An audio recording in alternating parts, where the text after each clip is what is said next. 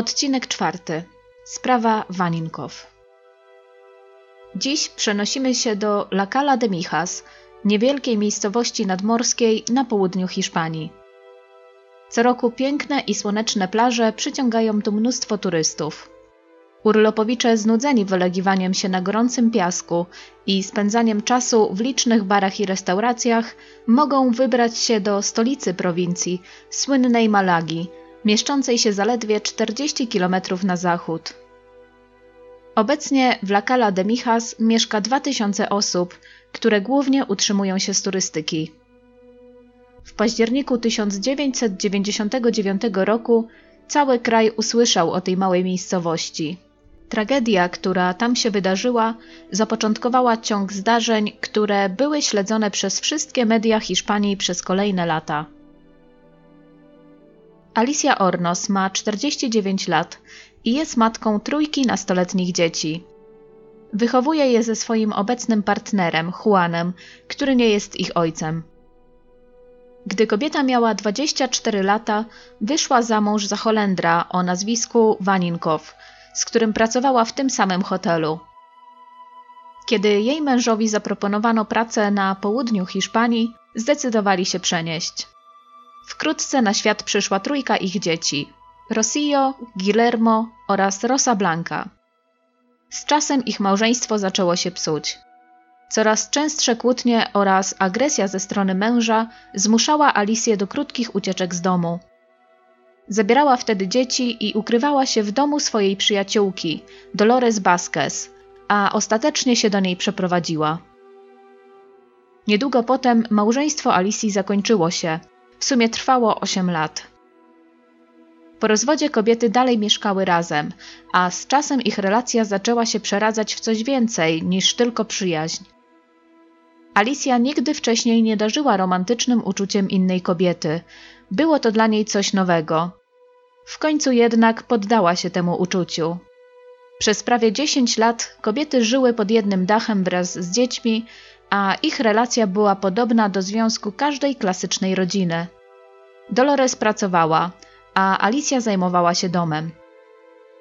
Niestety, po prawie 10 latach problemy ekonomiczne oraz zazdrość doprowadziły do ich rozstania. Alicja wyprowadziła się wtedy od Dolores i zamieszkała z dziećmi w okolicy. Po pewnym czasie poznała i związała się z mężczyzną o imieniu Juan. Jest 9 październik 1999 roku. Alicia, Juan oraz nastoletnie już dzieci mieszkają razem. Jej 19-letnia córka Rosillo Vaninkow po południu wychodzi odwiedzić swojego chłopaka, Antonio José Jurado. Wieczorem para planuje wybrać się na targi Fuengirola. Jest to coroczny festyn pełen miejscowego folkloru, koncertów, tańców oraz degustacji. Nadchodzi wieczór, dlatego Rosillo postanawia wrócić do domu, aby wziąć prysznic i przygotować się do wieczornego wyjścia. Chłopak odprowadza ją, a gdy zostaje jej do pokonania zaledwie 500 metrów, para rozdziela się. Rosillo idzie w kierunku domu, chce przygotować się do wyjścia, a następnie spotkać się z chłopakiem i przyjaciółmi na festynie. Kolejnego dnia rano matka nastolatki zagląda do jej pokoju. Jednak jej córki nie ma w swoim łóżku. Zaniepokojona tym faktem, prosi drugą córkę, aby ta udała się do chłopaka Rosillo, aby o nią zapytać. Antonio José mówi, że poprzedniego wieczoru nie spotkał się ponownie ze swoją dziewczyną. Odprowadził ją do domu, ale po powrocie zasnął, przez co ostatecznie nie dotarł na festyn. Chłopak uspokaja siostrę swojej dziewczyny, ponieważ jego znajomi, z którymi rano rozmawiał, potwierdzili, że widzieli Rosillo na festynie. Zapewne przenocowała u którejś z przyjaciółek. Mija kilka godzin. Alicja coraz bardziej niepokoi się o córkę. Wraz z Juanem wybiera się na spacer na pobliskie ruiny, aby trochę się uspokoić. Gdy są na miejscu, w pewnym momencie kobieta dostrzega coś, co przypomina buty. Podchodzi bliżej i widzi parę butów sportowych dokładnie takich samych, jakie jej córka miała na sobie poprzedniego dnia. Najgorsze jednak jest to, że leżą one obok ogromnej kałuży krwi. Na miejscu znajduje się również chusta jej córki. Przerażona kobieta natychmiast wzywa Guardię Civil, czyli hiszpańską straż obywatelską. Wkrótce potwierdza się najgorsze. Krew i buty należą do jej córki. Guardia Civil przeszukuje okolice. Funkcjonariusze natrafiają na krople krwi niedaleko drogi. Tworzą one ścieżkę o długości 1 metra i 10 centymetrów, która biegnie w kierunku miejsca, gdzie znaleziono buty i chustę nastolatki. Ponadto na krwi widoczne są ślady opon, a także ślady wskazujące na wleczenie ciała. Wygląda na to, że w tym miejscu ktoś włożył dziewczynę do samochodu i odjechał. Ilość znalezionej krwi jest tak duża, że prawie pewne jest, że dziewczyna nie mogła tego przeżyć. Informacja o zaginięciu Rossio pojawia się kolejnego dnia w mediach. Policja sprawdza odnalezione ślady pojazdu. Okazuje się, że opony odpowiadają pojazdowi średniej wielkości i nie są już dostępne na rynku. Oszacowano, że powinny mieć około 6 lat. Cztery dni od zaginięcia Rossio na policję zgłasza się taksówkarz.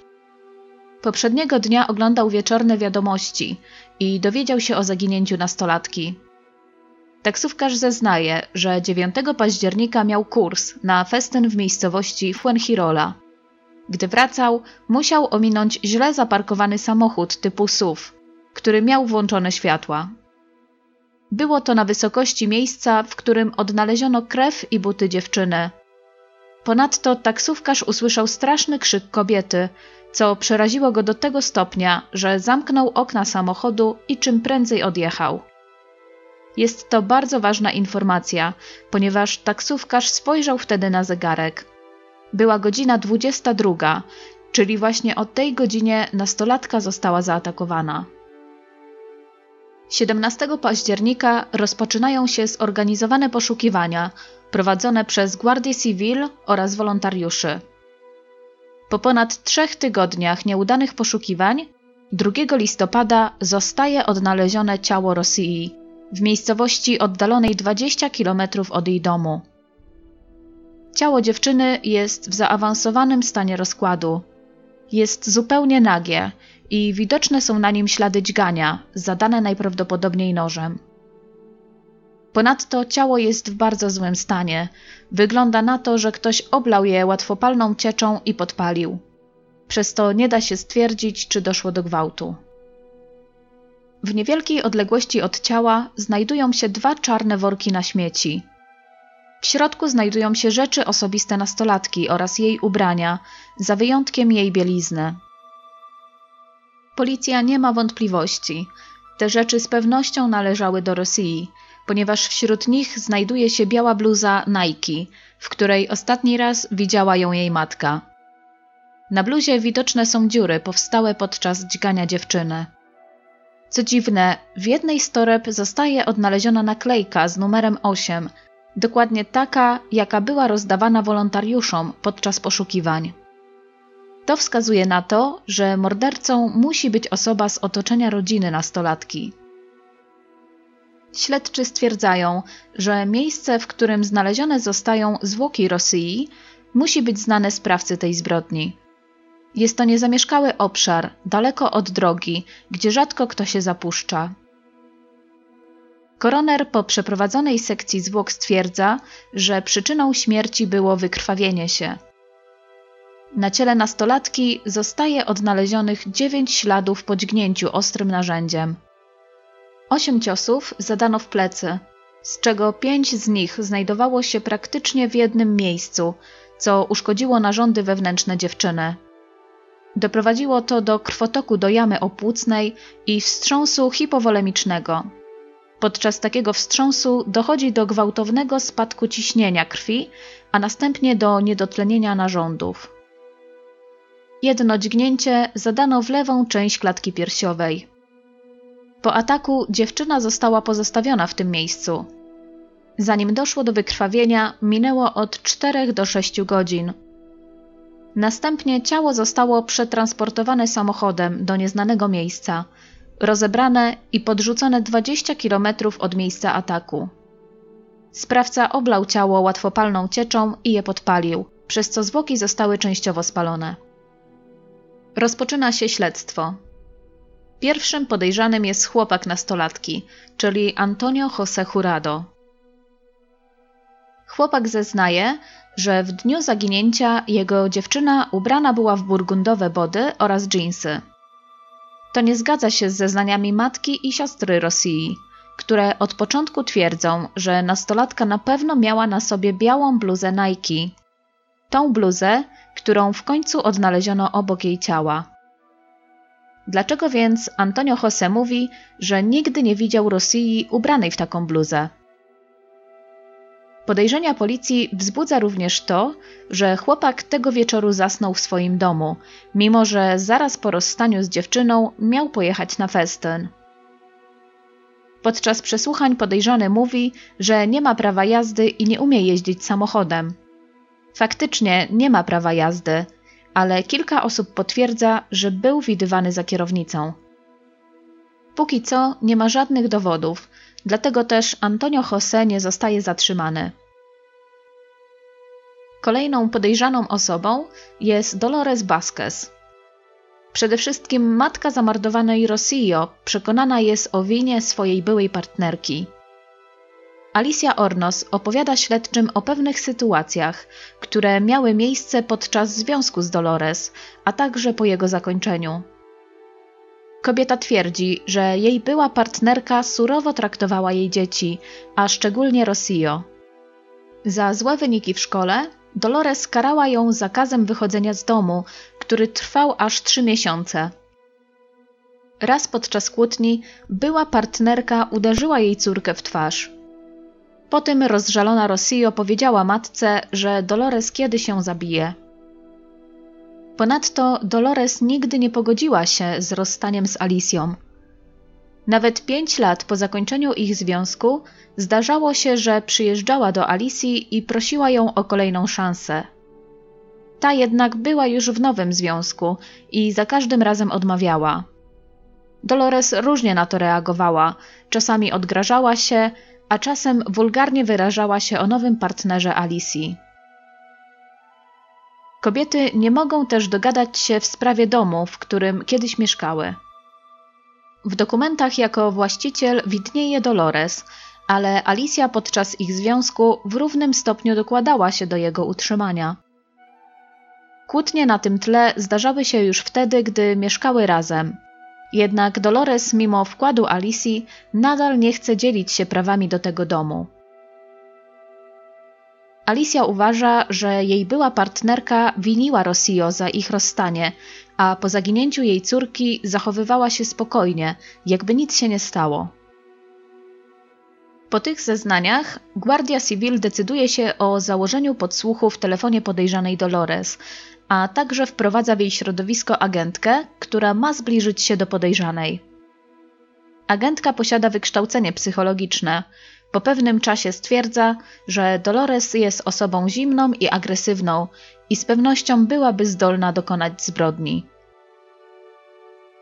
Sprawa zabójstwa nastoletniej Rosji staje się bardzo medialna. Coraz głośniej słychać oburzenie społeczne wywołane brakiem wyników śledztwa.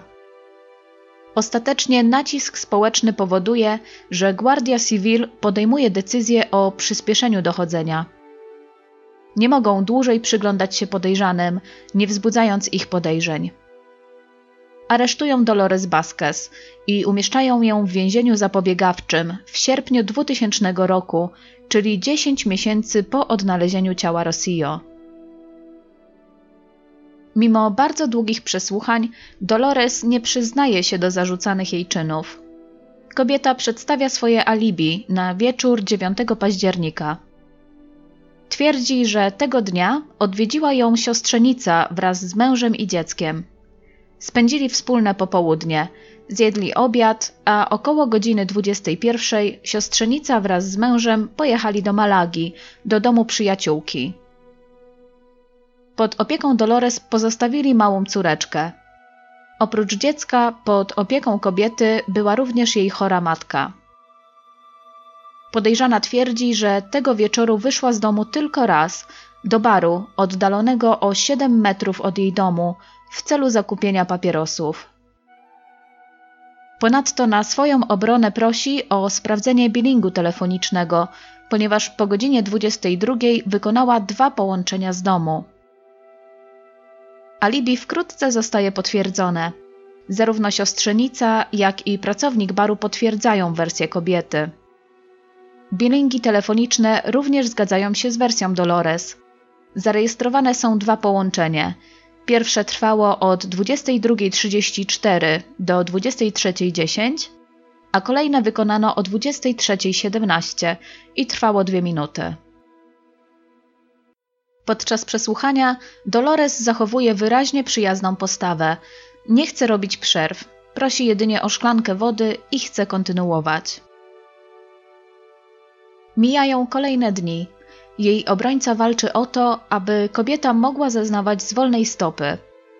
Niestety, mimo braków jakichkolwiek dowodów, policja decyduje się pozostawić ją w areszcie przedprocesowym.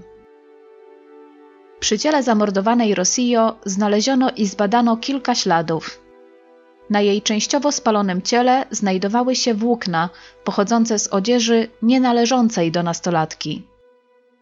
Kolejne ślady to odciski palców pozostawione w torbach na śmieci, w których znajdowały się ubrania zamordowanej, oraz niedopałek papierosa ze śladem biologicznym w postaci śliny. Odciski palców oraz DNA wyodrębnione ze śliny nie zostają odnalezione w bazie policyjnej. Nie wiadomo do kogo należą, czy do kogoś zamieszanego w morderstwo, czy do przypadkowych osób. Instytut Toksykologii pod mikroskopem bada znalezione włókna. Z pewnością pochodzą one z odzieży sportowej, a po porównaniu ich z odzieżą należącą do Dolores stwierdzają zgodność. Wkrótce zostaje zorganizowana konferencja prasowa, podczas której prokurator i Guardia Civil informują o swoim odkryciu. Od tego momentu opinia publiczna, napędzana ogromem informacji przekazywanymi w telewizji i prasie, uznają Dolores winną dokonania tej straszliwej zbrodni. Badania Instytutu Toksykologii nie mają wartości dowodowej, a prokuratura, mimo nalegań obrońcy Dolores, dalej nie zgadza się na jej uwolnienie tymczasowe i zleca kolejne badania włókien, tym razem w kryminalnym laboratorium śledczym Guardii Civil. Ostateczna analiza DNA stwierdza, że odnalezione włókna nie należą do podejrzanej. Nastąpił więc błąd. Mimo to sędzia śledczy ponownie odrzucił wniosek Dolores o uwolnienie. Niedługo potem rozpoczyna się proces. Na ławie oskarżonych zasiada Dolores Vasquez. Guardia Civil informuje o wynikach przeprowadzonego śledztwa. Przede wszystkim żaden z odnalezionych odcisków przy ciele zamordowanej nie należy do Dolores. Ponadto ani wspomniane włókna, ani znaleziony niedopałek nie noszą śladów DNA oskarżonej. Naklejka grupy poszukiwawczej, znaleziona w worku na śmieci wraz z ubraniami Rossio, nie została wykorzystana, ponieważ nie została oderwana od papieru ochronnego. Ślady opon znalezione na miejscu zbrodni nie zgadzają się z samochodem marki Toyota należącym do Dolores. Jej auto to sportowa wersja z szerokimi kołami i nie ma wątpliwości, że te opony nie pasują do badanych śladów. Warto zauważyć, że opony pojazdu użytego w zbrodni były bardzo stare i nie były już dostępne na rynku. Śledczy rozważają hipotezę, że Dolores Vasquez mogła wynająć pojazd lub skorzystać z auta któregoś ze znajomych lub rodziny. Śledztwo wykazuje, że nie ma dowodów na potwierdzenie tej teorii. Kobieta nie korzystała z innego samochodu ani nie wynajęła auta. Prokurator przedstawia swoją teorię. Twierdzi, że Dolores mieszka w okolicy, gdzie jest dużo obcokrajowców, a po sprawdzeniu tej okolicy okazuje się, że mają oni zwyczaj pozostawiać kluczyki w swoich samochodach. Widocznie jest tam bezpiecznie, dlatego każdy mógłby skorzystać z takiej okazji. Zabrać samochód, a następnie bezpiecznie go odstawić, pozostając niezauważonym. Zeznania siostrzenicy Dolores potwierdzają jej alibi. Kobieta potwierdza, że 9 października była z mężem i dzieckiem u oskarżonej. Następnie pozostawiła dziecko pod jej opieką i pojechała odwiedzić przyjaciółkę w Maladze. Również owa przyjaciółka składa zeznania, potwierdzając tą wersję wydarzeń. Także bilingi telefoniczne potwierdzają obecność Dolores w domu. Pierwsze połączenie wykonała o 22.34. Przesłuchana zostaje przyjaciółka oskarżonej, do której wykonane zostało pierwsze połączenie telefoniczne. Kobieta opisuje Dolores jako osobę bardzo dobrą, hojną oraz kochającą dzieci. Nieraz była świadkiem, gdy oskarżona z oddaniem opiekowała się starszymi oraz potrzebującymi. Dodaje, że nigdy nie widziała żadnej agresji ani przemocy z jej strony. Pracownik baru potwierdza, że oskarżona przyszła kupić papierosy wieczorem 9 października. Chwilę przed jej przyjściem zauważył ją w swoim domu przez okno w kuchni, które widoczne jest z baru. Uważa, że kobieta zachowywała się dość nerwowo i że wyglądała tak, jakby przybiegła do baru. Była zdyszana i zaniepokojona. Mówi też, że dziwne dla niego jest to, że Dolores wyszła z domu mając pod opieką swoją matkę i siostrzenicę. Nigdy nie zdarzało się, aby zostawiała swoją matkę bez opieki, nawet gdy musiała wyjść tylko na chwilę. Kobieta pochodząca z Ukrainy, która wykonywała różne prace w domu Dolores, zeznaje, że była świadkiem, jak w dniu odnalezienia ciała Rossio widziała, jak Dolores chwyciła nóż i zaatakowała zdjęcie zamordowanej, znajdujące się na ulotce informującej o jej zaginięciu. Przeciwko oskarżonej zeznaje również wróżka, do której czasami przychodziła. Twierdzi, że podczas jednych konsultacji Dolores żaliła się, że jej związek rozpadł się przez córkę Alicji i że chciałaby się zemścić. Sąsiedzi, którzy mieszkali obok Dolores i Alicji, gdy te były razem, zeznają, że nieraz byli świadkami kłótni, do których dochodziło między Rossio a oskarżoną. Głównym oskarżycielem jest matka zamordowanej. Alicja jest przekonana o winie swojej byłej partnerki. Podczas zeznań opowiada o kłótniach, jakie miały miejsce między Dolores a jej córką, o tym, że się nie lubiły, a także o scenach zazdrości, jakie zdarzały się nawet pięć lat po ich rozstaniu. Jest przekonana, że motywem zbrodni była chęć zemsty, ponieważ oskarżona winiła Rossio za rozpad ich związku. Podczas zeznań wyjmuje zdjęcie zamordowanej córki i jest zszokowana tym, że Dolores patrzy na nie obojętnie.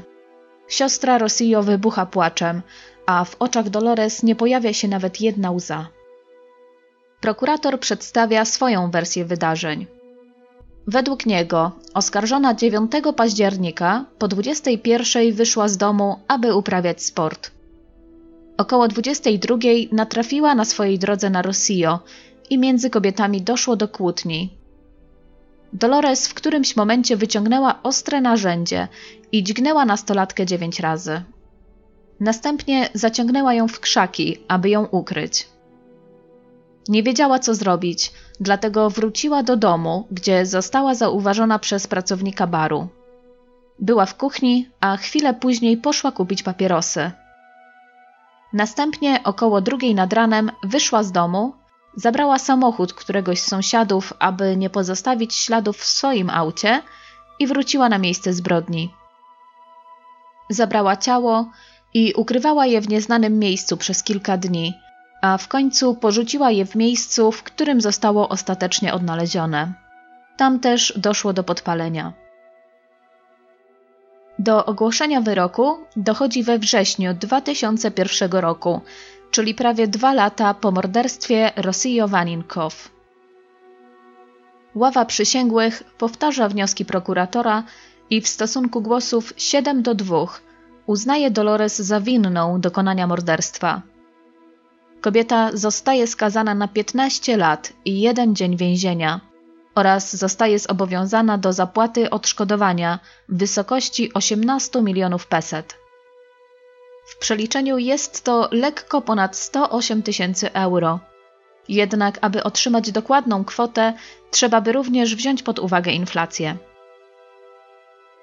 Obrońca kobiety zapowiada apelację, którą składa do Najwyższego Trybunału Sprawiedliwości w Andaluzji. Ubiega się o przeprowadzenie kolejnej rozprawy z uwagi na to, że ława przysięgłych nie stwierdziła motywu działań Dolores. Swoją prośbę motywuje również tym, że duże zainteresowanie mediów i oburzenie społeczne miało wpływ na opinie przysięgłych, którzy powinni być niezależni. W lutym 2002 roku Sąd Najwyższy Andaluzji nakazuje powtórzyć proces jesienią 2003 roku. Przez kolejne miesiące obrońca i prokuratura na nowo badają sprawę i przygotowują się do kolejnego starcia na sali sądowej. Do procesu ostatecznie nie dochodzi, ale aby wyjaśnić dlaczego, musimy na chwilę przenieść się do miasteczka Coin, oddalonego o prawie 30 km na północ od La Cala de Mijas. Jest 14 sierpnia 2003 roku. W miasteczku odbywa się festyn, w którym bierze udział mnóstwo młodych ludzi. Wśród nich jest 17-letnia Sonia Carabantes. Około piątej rano postanawia wrócić do domu. Towarzyszy jej przyjaciel. Chłopak odprowadza ją i rozstają się kilka metrów od domu Soni. Niestety, dziewczyna nigdy nie dociera do domu. Następnego ranka rodzice dziewczyny odnajdują kilka plam krwi, kosmyk włosów, a także telefon, but i torebkę należące do ich córki, zaledwie kilka metrów od domu. Są przerażeni i wzywają Guardię Civil. Funkcjonariusze rozpoczynają śledztwo oraz poszukiwania. Śledczy skupiają się na bliskich zaginionej, a na głównego podejrzanego typują byłego chłopaka Soni. Chłopak ma jednak alibi. W poszukiwaniach bierze udział 700 osób. Codziennie promień poszukiwań zwiększa się. Trzy dni od zaginięcia w odległości 10 km od domu Soni wolontariusze odnajdują zakrwawione dżinsy, podobne do tych, które Sonia miała na sobie w dniu zaginięcia. Zostają oddane do analizy. Przez kolejne dwa dni poszukiwania skupione są w okolicy odnalezionych spodni. W końcu psy tropiące łapią trop i prowadzą śledczych w kierunku zalesionego terenu. W pewnym momencie w powietrzu daje się wyczuć okropny zapach, który jest znany funkcjonariuszom jako zapach rozkładających się zwłok. Z każdym kolejnym krokiem tracą nadzieję, a w końcu natrafiają na ukryte zwłoki. Znalezione ciało jest półnagie i na wpół zakopane w ziemi w niewielkim wąwozie, a także przykryte dużymi kamieniami. W związku z bardzo wysokimi temperaturami nastąpił znaczny rozkład ciała i nie da się rozpoznać twarzy. Z pewnością jest to ciało kobiety, a znalezione 3 kilometry dalej zakrwawione dżinsy wskazują na to, że najprawdopodobniej jest to ciało zaginionej siedemnastolatki. Wolontariusze biorący udział w poszukiwaniach twierdzą, że przeszukiwali tą okolicę zaraz po znalezieniu dżinsów. Dlatego istnieje podejrzenie, że ciało musiało być podrzucone w to miejsce w przeciągu ostatnich dwóch dni. Ojciec zaginionej Soni rozpaczliwie prosi o możliwość zobaczenia odnalezionych zwłok, jednak nie zostaje do nich dopuszczony. Nie ma możliwości, aby ktokolwiek rozpoznał to, co zostało z twarzy odnalezionej osoby. Musi więc poczekać na badania kryminalistyczne. Dochodzi do sekcji zwłok. Potwierdza się najgorszy scenariusz. Badane zwłoki należą do Soni Carabantes. Koronerzy podają przyczynę śmierci. Siedemnastolatka została uduszona swoją bluzką. Zanim jednak do tego doszło, została brutalnie pobita oraz zgwałcona. Na jej ciele znaleziono dowody na niepotrzebne okrucieństwo zadane ofiarze. Na ciele nastolatki znalezionych zostaje 40 ran zadanych ostrym narzędziem, najprawdopodobniej nożem. Ponadto widocznych jest 15 ran zewnętrznych, takich jak siniaki, krwawe rany i zadrapania, a także 22 obrażenia wewnętrzne na twarzy, głowie, klatce piersiowej i żebrach, wywołane przez silne uderzenia. Sekcja zwłok ujawnia również silny cios zadany w głowę nastolatki, który doprowadził do złamania szczęki i wypadnięcia zęba. Te rany nie doprowadziły do jej śmierci.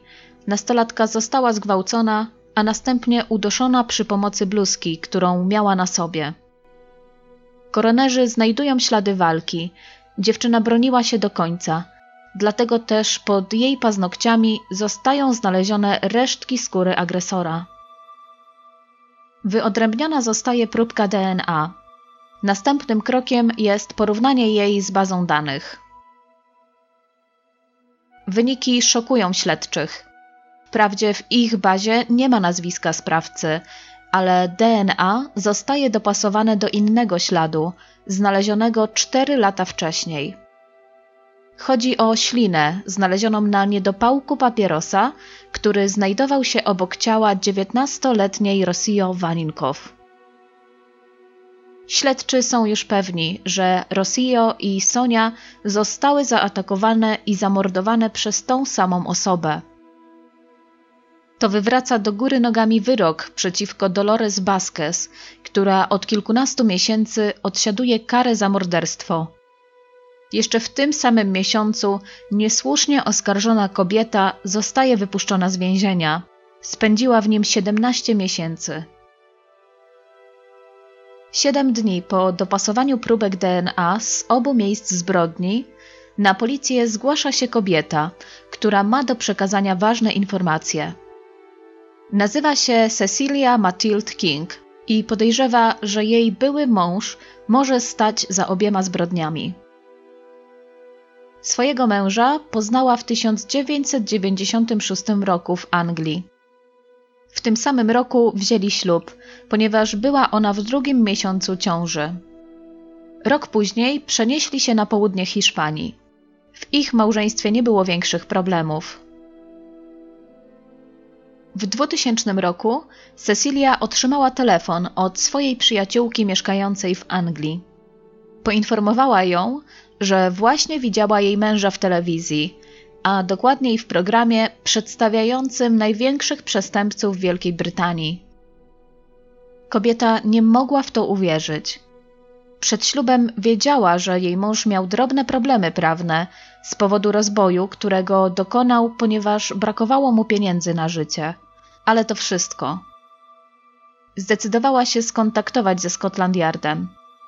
Wtedy poznała prawdę o człowieku, którego poślubiła. Okazało się, że jej mąż nie nazywa się Tony Alexander King, tylko Tony Alexander Bromwich i jest znany w Anglii jako dusiciel z Holloway. Mężczyzna zmienił nazwisko od razu po wyjściu z więzienia w Londynie. W tym samym roku poznał się z Cecilią, która zaszła w ciążę, a następnie wzięli ślub. Tony Alexander Bromwich spędził w więzieniu 10 lat za pięć ataków na tle seksualnym. Jego ataki wyglądały tak samo. Zarzucał kobietom pętlę na szyję, zrobioną z kabla elektrycznego, podduszał je, a następnie gwałcił.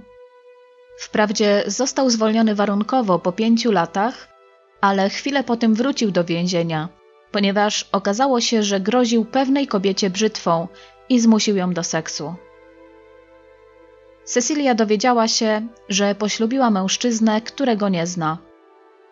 Natychmiast zdecydowała się na rozwód. Ale dlaczego dopiero w 2003 roku zgłasza się na policję? Trzy lata po rozwodzie, a cztery lata po zabójstwie Rossio. Okazuje się, że gdy kobieta śledziła informacje o zaginionej Soni Carabantes, nagle połączyła wszystkie wspomnienia w całość. Przypomniała sobie, że 9 października 1999 roku jej mąż wyszedł z domu dość późno, około 21.30 i wrócił w bardzo dziwnym stanie. Był nerwowy, brudny i podrapany. Zauważyła nawet krew na jego ubraniu. zamknął się szybko w łazience, wziął wyjątkowo długi prysznic, a następnie dokładnie posprzątał łazienkę. To zdziwiło Cecilię, ponieważ nigdy wcześniej tego nie robił, zwłaszcza, że była już noc. Ponadto ubrania, które miał wtedy na sobie, zniknęły. Kobieta nigdy więcej ich nie zobaczyła. Dlatego też kobieta zapamiętała ten wieczór, który całkowicie odbiegał od ich codziennej rutyny. Gdy Cecilia oglądała wiadomości o znalezieniu ciała Rossio, zwróciła uwagę, że w domu ma właśnie identyczne worki na śmieci jak te, w których znaleziono ubrania zamordowanej dziewczyny. Dostrzegła też, że znaleziony niedopałek papierosa jest tej samej marki jak te, które pali jej mąż. Wtedy jednak nie wiedziała jeszcze o przestępczej historii Toniego. Wiele osób paliło te papierosy, a mąż miał wymówkę, która wyjaśniała stan, w jakim wrócił tego wieczoru. Cecilia nic nie podejrzewała. Ostatni raz spotkała byłego męża w czasie festynu w Coin, który trwał kilka dni. Jej były mąż był podrapany i wspominał, że dzień wcześniej brał udział w bójce. Kilka dni później Cecilia usłyszała w wiadomościach o odnalezieniu ciała Soni. Wtedy połączyła wszystkie kropki. Podobne zbrodnie, przestępcza przeszłość jej byłego męża oraz jego podrapana twarz. Śledczy szybko namierzają Toniego Aleksandra Kinga. Pobierają jego próbkę DNA i porównują ją z DNA znalezionym w obu miejscach zbrodni. Okazuje się, że śledczy znaleźli mordercę. Próbki pasują do siebie, bez żadnych wątpliwości. 19 września 2003 roku mężczyzna zostaje aresztowany. Podczas przesłuchania dusiciel z Holloway przyznaje się do obu morderstw. Przyznaje się także do próby gwałtu na młodej kobiecie w 2001 roku, która miała miejsce również w tej samej prowincji. Podczas kolejnych dni opowiada o wszystkich szczegółach zbrodni. Nie stwarza żadnych problemów podczas wizji lokalnych. Śledczy próbują go powiązać ze sprawą zaginięcia innej młodej dziewczyny z 2000 roku. Chodzi o Marie Teresę Fernandez, która nie wróciła do domu z sierpniowego festynu organizowanego w okolicy. Jej ciała do dziś nie odnaleziono. Tony nie przyznaje się, aby miał coś z tym wspólnego. Proces i śledztwo trwają dość długo. Oskarżony często zmienia zdanie, odwołuje swoje zeznania, a w pewnym momencie wyznaje, że we wszystkim brały udział osoby trzecie jego pracodawca oraz Dolores Vasquez.